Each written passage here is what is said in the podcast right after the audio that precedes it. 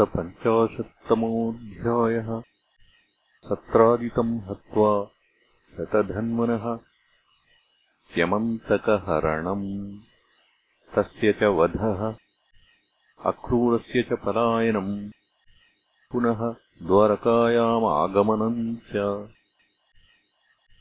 श्रीशुक उवाच। विज्ञातार्थोऽपि गोविन्दो दग्धानाकर्ण्यपाण्डवान् कुन्तीम् च कुल्यकर्णे सह रामो ययौ कुरून्। भीष्मम् कृपम् सविदुरम् गान्धारीम् द्रोणमेव च तुल्यदुःखौ च सङ्गम्य हा कष्टमिति शोचतुः। लब्ध्वैतदन्तरम् राजन् शतधन्वानमूचतुः अक्रूरकृतवर्माणौ मणिः कस्मान्न गृह्यते।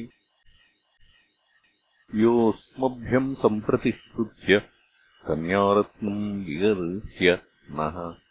कृष्णायादान्न सत्राजित् कस्माद्भ्रातरमन्वियात् एवम् भिन्नमतिस्ताभ्याम् सत्रादितमसत्तमः शयानम् अवधील्लोभात् सपापः क्षीणजीवितः स्त्रीणाम् विक्रोशमानानाम् क्रन्दन्तीनामनाथवत् हत्वा पशून् सौनिकवत् मणिमादाय जग्मिवान्। सत्यभामा च पितरम् हतम् वीक्ष्य शुचार्पिता व्यलपत्ताततातेति हा हतास्मीति मुह्यती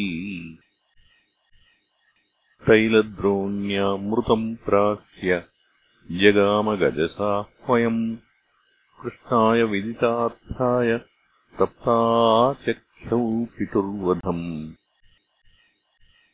तदाकर्ण्येश्वरौ राजन्ननुसृत्य नृलोकताम् अहो नः परमम् कष्टम् इत्यस्ताक्षौ विलेपतुः आगत्य भगवाम् तस्मात् सभार्यः साग्रजः पुरम्। शतधन्वानमारेभे हन्तुम् हस्तुम् मणिम् ततः।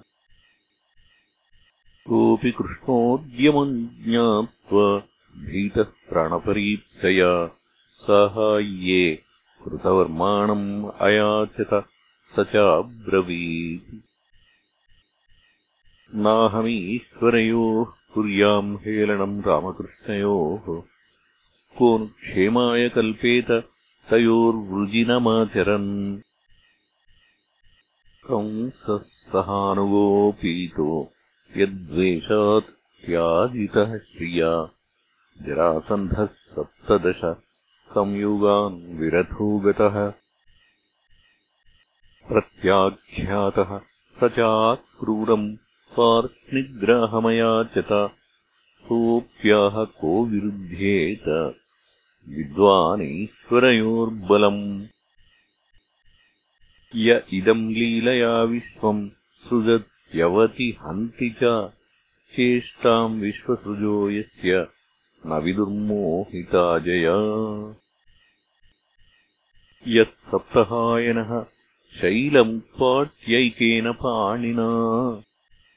दधारलीलया बालौच्छिलीन्ध्रमिवार्भकः नमस्तस्मै भगवते कृष्णायाद्भुतकर्मणे अनन्तायादिभूताय कूटस्थायात्मने नमः। प्रत्याख्यातः स तेनापि शतधन्वा महामणिम् तस्मिन् न्यस्त्याश्वमारुह्य शतयोजनगम्ययौ। गरुडध्वजमारुह्य रथम् रामजनार्दनौ अन्वयाताम् महावेगैः अश्वैराजन् गुरुद्रुहम्। मिथिलायामुपवने विसृज्यपतितम् हयम्। पद्भ्यामधावत्सन्त्रस्तः कृष्णोऽप्यन्वद्रवदृशा पदातेर्भगवांस्तस्य पदातिस्तिग्मनेमिना। चक्रेण शिर उत्पृत्य वाससो व्यचिनोन्मणिम् अलब्धमणिरागत्य कृष्ण आहाग्रजान्तिकम्। वृथाहतः शतधनुः मणिस्तत्र न विद्यते।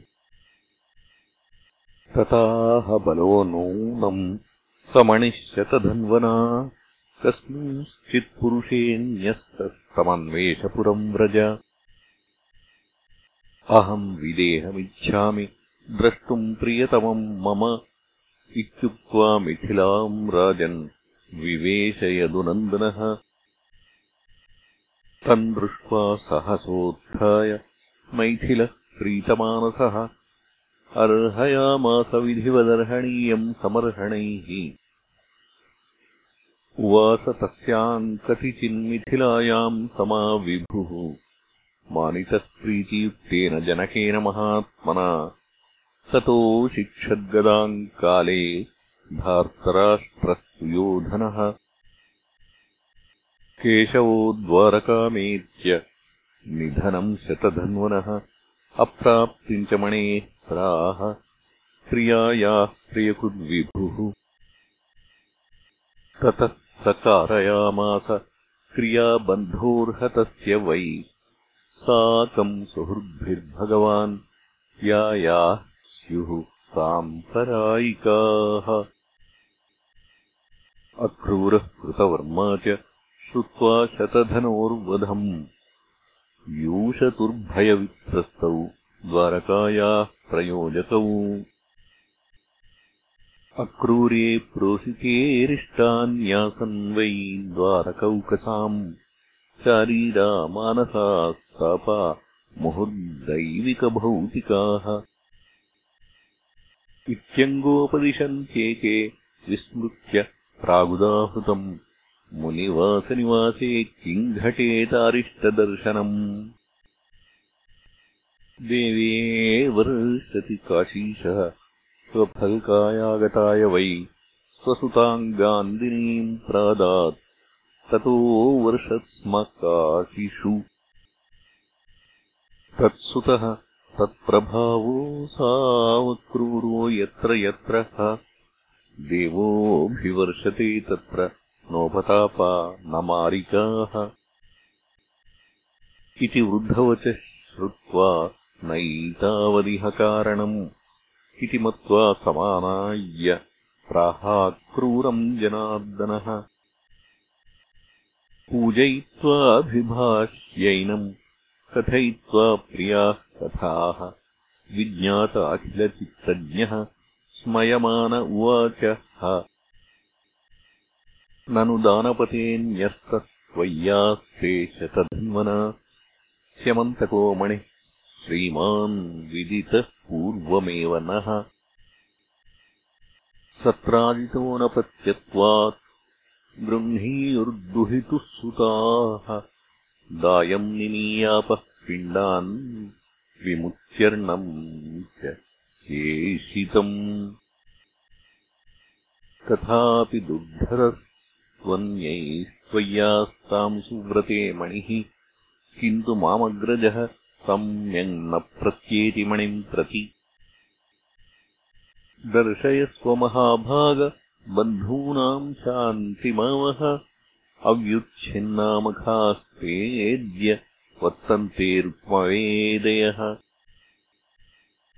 एवम् सामभिरालब्धः स्वफल्कतनयो मणिम्। आदाय वाससाच्छन्नम् ददौ सूर्यसमप्रभम्।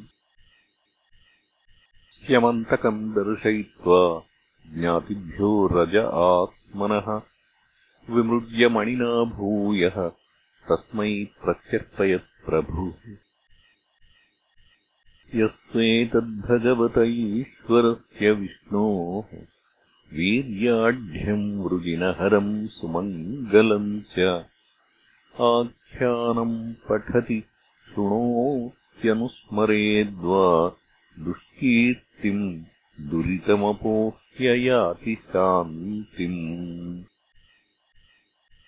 इति श्रीमद्भागवते महापुराणे पारमहंस्याम् संहितायाम् दशमस्कन्धे उत्तरार्धे सप्तपञ्चाशत्तमोऽध्यायः